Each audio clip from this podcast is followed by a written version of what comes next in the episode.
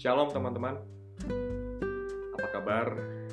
Saya berdoa kita semua dalam keadaan yang sehat dan baik karena ada perlindungan Tuhan atas kita. Mari kita buka kebenaran firman Tuhan di dalam dua Raja-Raja pasal yang kedua ayat yang pertama sampai dengan ayat yang ke-14.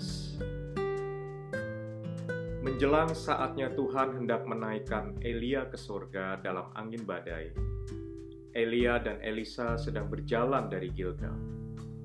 Berkatalah Elia kepada Elisa, "Baiklah tinggal di sini sebab Tuhan menyuruh aku ke Betel."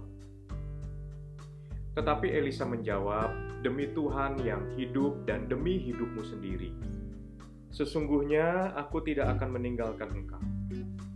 Lalu pergilah mereka ke Betel. Pada waktu itu keluarlah rombongan nabi yang ada di Betel mendapatkan Elisa, lalu berkatalah mereka kepadanya, Sudahkah engkau tahu bahwa pada hari ini tuanmu akan diambil daripadamu oleh Tuhan terangkat ke sorga? Jawabnya, aku juga tahu, diamlah. Berkatalah Elia kepadanya, Hai Elisa, baiklah tinggal di sini, sebab Tuhan menyuruh aku ke Yeriko. Tetapi jawabnya, demi Tuhan yang hidup dan demi hidupmu sendiri, sesungguhnya aku tidak akan meninggalkan engkau. Lalu sampailah mereka di Yeriko. Pada waktu itu mendekatlah rombongan nabi yang ada di Yeriko kepada Elisa serta berkata kepadanya, Sudahkah engkau tahu bahwa pada hari ini tuanmu akan diambil daripadamu oleh Tuhan terangkat ke sorga? Jawabnya, aku juga tahu, diamlah. Berkatalah Elia kepadanya, "Baiklah tinggal di sini, sebab Tuhan menyuruh aku ke Sungai Yordan." Jawabnya, "Demi Tuhan yang hidup dan demi hidupmu sendiri, sesungguhnya aku tidak akan meninggalkan engkau." Lalu berjalanlah keduanya.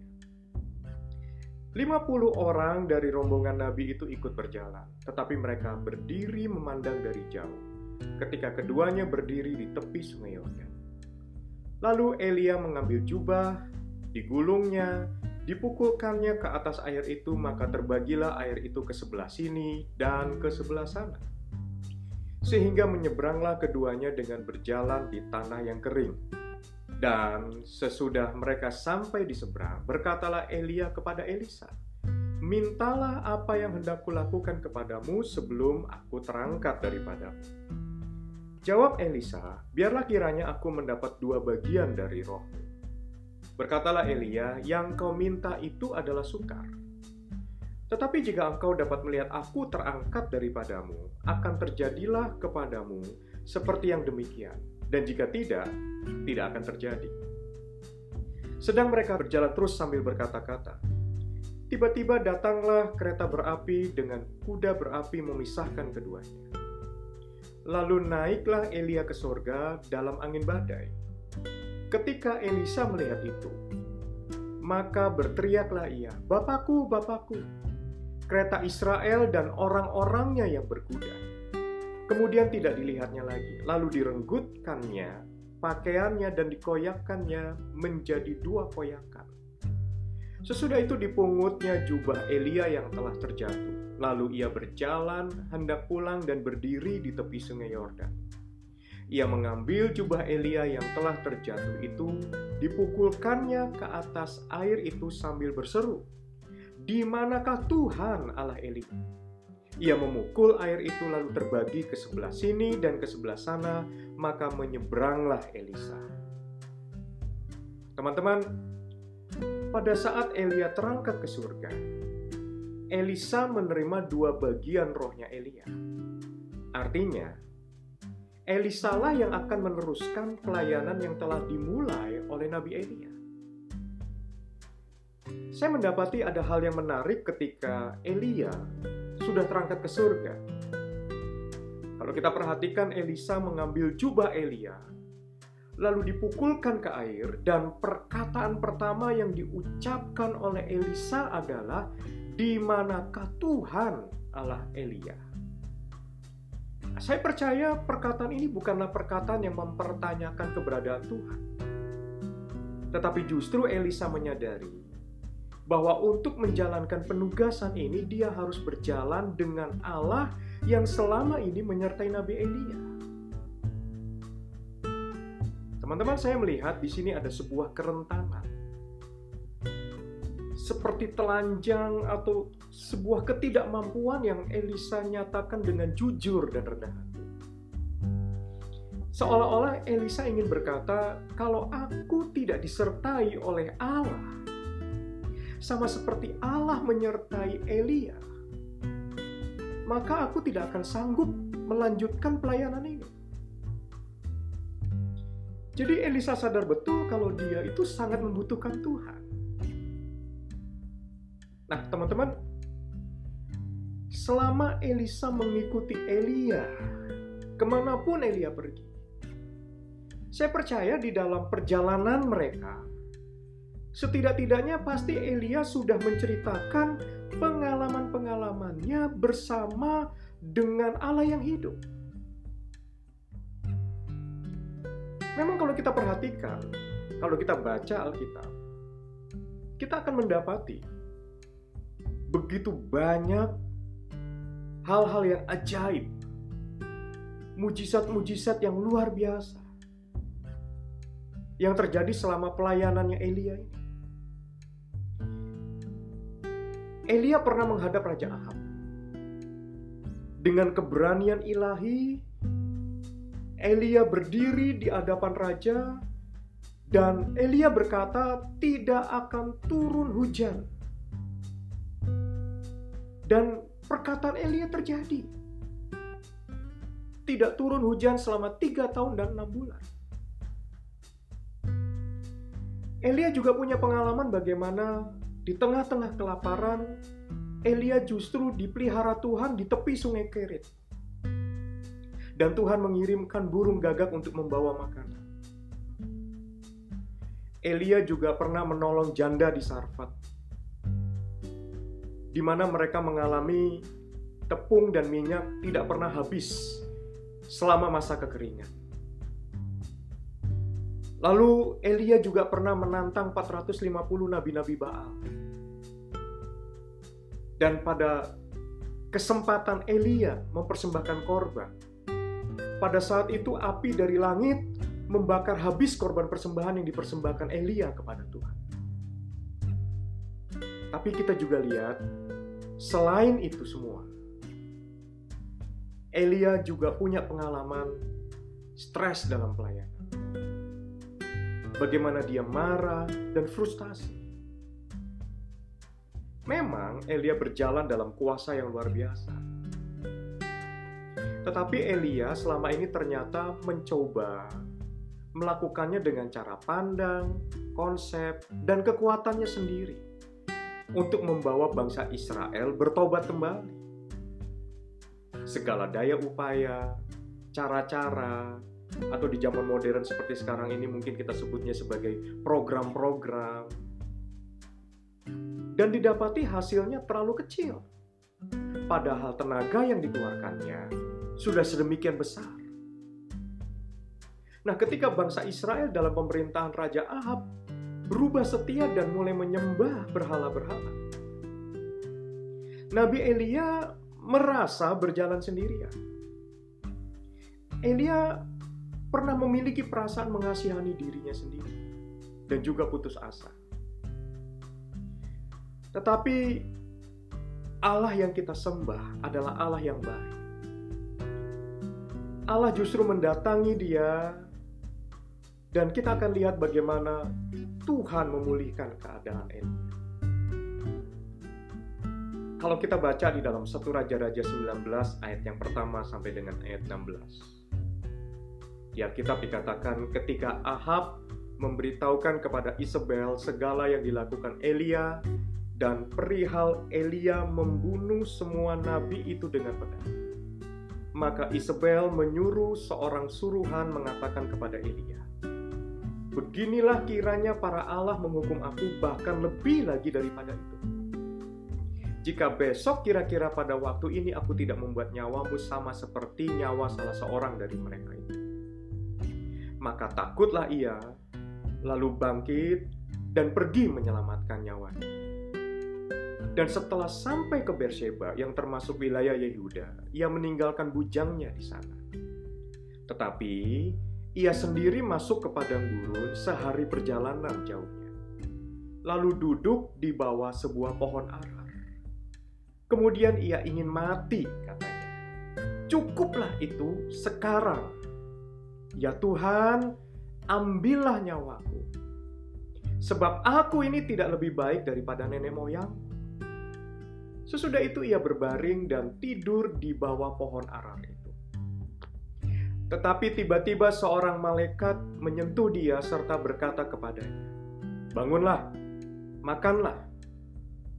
Ketika ia melihat sekitarnya, maka pada sebelah kepalanya ada roti bakar dan sebuah kendi berisi air. Lalu ia makan dan minum, kemudian berbaring pula. Tetapi malaikat Tuhan datang untuk kedua kalinya dan menyentuh dia serta berkata, "Bangunlah, makanlah, sebab kalau tidak, perjalananmu nanti terlalu jauh bagimu." Maka bangunlah ia, lalu makan dan minum, dan oleh kekuatan makanan itu ia berjalan 40 hari 40 malam lamanya sampai ke gunung Allah, yakni Gunung Horeb. Di sana masuklah ia ke dalam sebuah gua dan bermalam di situ. Maka firman Tuhan datang kepadanya demikian, "Apakah kerjamu di sini, hai Elia?" Jawabnya, "Aku bekerja segiat-giatnya bagi Tuhan, Allah semesta alam. Karena orang Israel meninggalkan perjanjianmu, meruntuhkan mesbah-mesbahmu, dan membunuh nabi-nabimu dengan pedang. Hanya aku seorang dirilah yang masih hidup dan mereka ingin mencabut nyawaku." Lalu firmannya, keluarlah dan berdiri di atas gunung itu di hadapan Tuhan. Maka Tuhan lalu, angin besar dan kuat yang membelah gunung-gunung dan memecahkan bukit-bukit batu mendahului Tuhan. Tetapi tidak ada Tuhan dalam angin. Dan sesudah angin itu datanglah gempa, tetapi tidak ada Tuhan dalam gempa itu. Dan sesudah gempa itu datanglah api, tetapi tidak ada Tuhan dalam api itu. Dan sesudah api itu datanglah bunyi angin sepoi-sepoi basah. Segera sesudah Elia mendengarnya, ia menyelubungi mukanya dengan jubahnya, lalu pergi keluar dan berdiri di pintu gua itu. Maka datanglah suara kepadanya yang berbunyi, "Apakah kerjamu di sini, hai Elia?" Jawabnya, "Aku bekerja segiat-giatnya bagi Tuhan Allah semesta alam, karena orang Israel meninggalkan perjanjianmu, meruntuhkan mesbah-mesbahmu dan membunuh nabi-nabimu dengan pedang." Hanya aku seorang dirilah yang masih hidup dan mereka ingin mencabut nyawaku. Firman Tuhan kepadanya, "Pergilah, kembalilah ke jalanmu melalui padang gurun ke Damsyik. Dan setelah engkau sampai, engkau harus mengurapi Hasael menjadi raja atas Aram. Juga Yehu cucu Nimsi haruslah kau urapi menjadi raja atas Israel. Dan Elisa bin Safat dari Abel Mehola harus kau urapi menjadi nabi menggantikan engkau.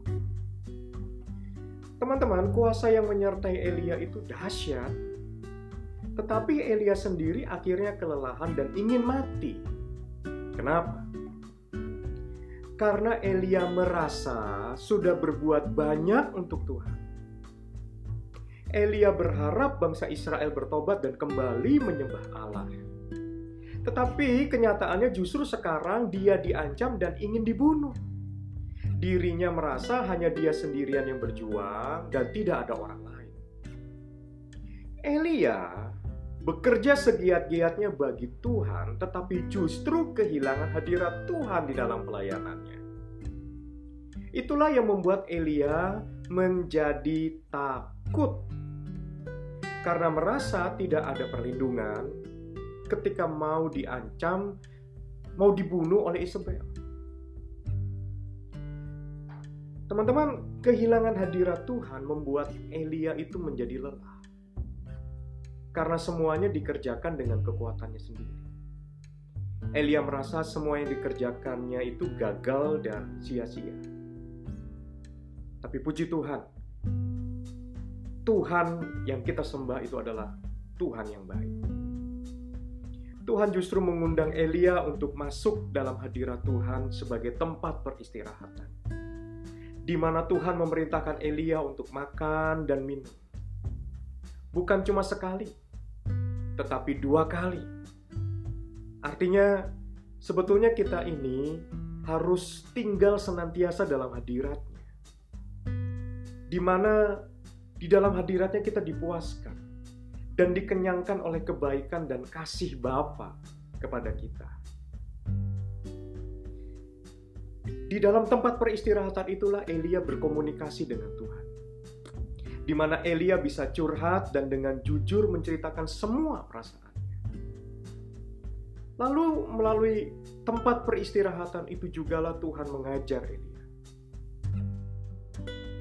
Teman-teman, sering kali manusia menganggap bahwa Tuhan ada di dalam angin, di dalam gempa, atau di dalam api. Tapi ternyata tidak menemukan Tuhan di sana. Tuhan justru datang melalui angin sepoi-sepoi basah. Sungguh sebuah peringatan buat kita semua. Kita sering kali terjebak dengan berbagai metode yang kita pikir dengan cara-cara kita, kita bisa bertemu dengan Tuhan. Kita bisa ketemu dengan kekuatan kita sendiri. Padahal kita bisa menemukan Tuhan justru pada saat kita rest, diam dalam hadirat Tuhan dan menikmati kasih, kebaikan, dan sukacitanya. Kita mengingat-ingat kebaikan Tuhan, pertolongannya, perlindungannya, dan juga mengagumi Tuhan akan kehebatannya. Di mana kita bersyukur atas perbuatan-perbuatannya yang ajaib bagi kita. Di hadirat Tuhan itulah saat di mana Tuhan dengan kita itu memiliki hubungan heart to heart. Sehingga kita bisa tahu dan mengerti hatinya dan perasaannya Tuhan. Nah, di dalam tempat peristirahatan atau di dalam hadirat Tuhan itulah justru kita ini menerima penugasan dari Tuhan sendiri pada saat kita mengerti hatinya dan perasaannya. Memiliki pikiran yang sama dengan pikirannya Tuhan. Cara pandang yang sama seperti cara Tuhan memandang. Barulah setelah itu datang penugasan bagi kita. Istirahat dulu, rest, diam dalam hadirat Tuhan lebih banyak. Baru setelah itu, Tuhan jugalah yang akan memberikan kepada kita penugasan itu. Kalau kita lihat di dalam pelayanannya Elia, bagaimana firman Tuhan kepadanya, "Pergilah, kembalilah ke jalanmu melalui padang gurun ke Damsyik, dan setelah engkau sampai, engkau harus mengurapi Hazael menjadi raja atas Aram. Juga Yehu, cucu Nimsi, haruslah kau urapi menjadi raja atas Israel. Dan Elisa bin Safat dari Abel Mehola harus kau urapi menjadi nabi menggantikan engkau. Ada penugasan. Tetapi setelah Elia rest beristirahat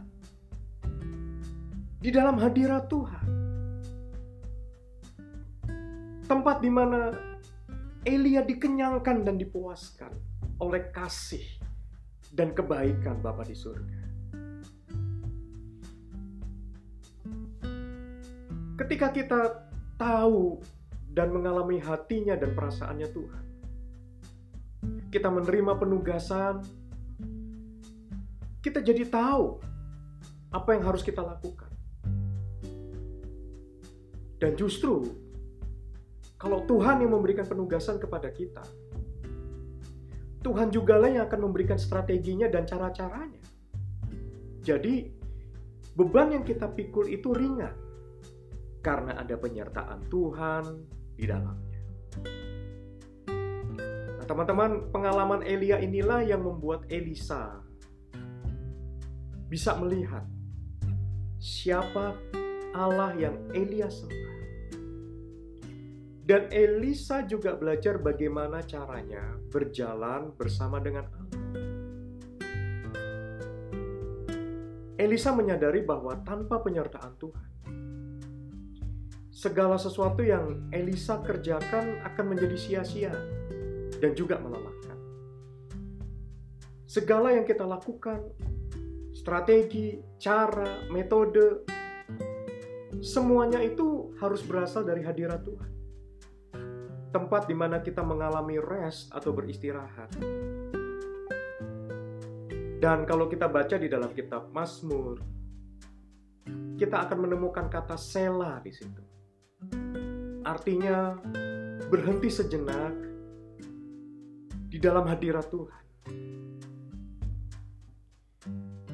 Daud mengerti betul. Sebagai pemazmur, dia tahu kapan saatnya dia mahir menggunakan tapel untuk mengalahkan Goliat.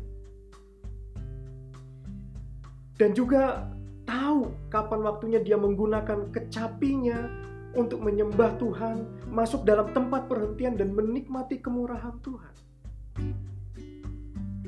Kita bisa lihat bagaimana di dalam perjalanan kehidupannya Daud Sekalipun sering kali dia mengalami keadaan yang terjepit, dikejar-kejar. Tetapi Daud tetap bisa merasakan ketenangan di dalam hatinya. Tetap memiliki damai sejahtera di dalam jiwanya. Karena dia memilih untuk rest. Daud mengerti bagaimana rest atau beristirahat di dalam hadirat Tuhan tempat di mana Tuhan menyediakan hidangan bagi Daud di hadapan lawan-lawannya. Penting untuk setiap kita menyadari bahwa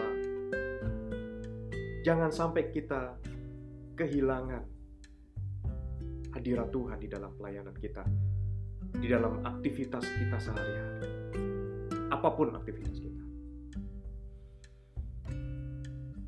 Allah kita itu adalah Allah yang setia. Dia Allah yang baik. Dia berjanji akan selalu menyertai perjalanan hidup kita. Dia itu Bapa yang baik. Dan ketika kita lelah, Dia selalu membuka tangannya dan membiarkan kita beristirahat dalam hadiratnya. Amin. Mari kita berdoa. Bapak yang baik, terima kasih buat hari ini. Mengucap syukur kalau kami diajarkan tentang pentingnya untuk tinggal di dalam hadirat Tuhan. Tempat di mana kami beristirahat. Menikmati kebaikan Tuhan. Tempat di mana kami bisa heart to heart denganmu Tuhan tempat di mana kami boleh diselaraskan, sehingga kami boleh memiliki cara pandang seperti cara Tuhan memandang. Tempat di mana kami diselaraskan supaya pikiran kami selaras dengan pikirannya. Tempat di mana supaya kami juga mengetahui dan merasakan hatinya Tuhan. Khususnya kepada jiwa-jiwa yang membutuhkan keselamatan. Tuhan terima kasih untuk setiap perkenanan yang Tuhan berikan dalam hidup kami. Bahkan pada saat kami lelah pun, tanganmu selalu terbuka dan membiarkan kami masuk dan diam dalam hadiratmu. Tempat di mana jiwa kami akan memperoleh ketenangan. Mengucap syukur ya Tuhan, dan kalau hari-hari ini ada teman-teman kami yang sedang dalam keadaan tertekan, sedang mengalami kebingungan di dalam kehidupan. Tapi hari ini kami mendengar ada undangan yang dibagikan kepada setiap kami yang letih, lesu, dan berbeban berat. Hari ini kami mau datang kepadamu, Tuhan. Dan biarlah kami memperoleh kelegaan di dalam hadirat Tuhan. Ketika kami menyadari bahwa Engkau tidak pernah meninggalkan kami, Engkau adalah Bapa bagi setiap kami anak-anak. Di mana kami boleh memiliki rasa aman dalam hidup kami. Kami tidak lagi perlu merasa takut akan kehidupan dan bahkan masa depan kami. Karena Engkau Allah yang menjamin segala sesuatu yang kami perlukan.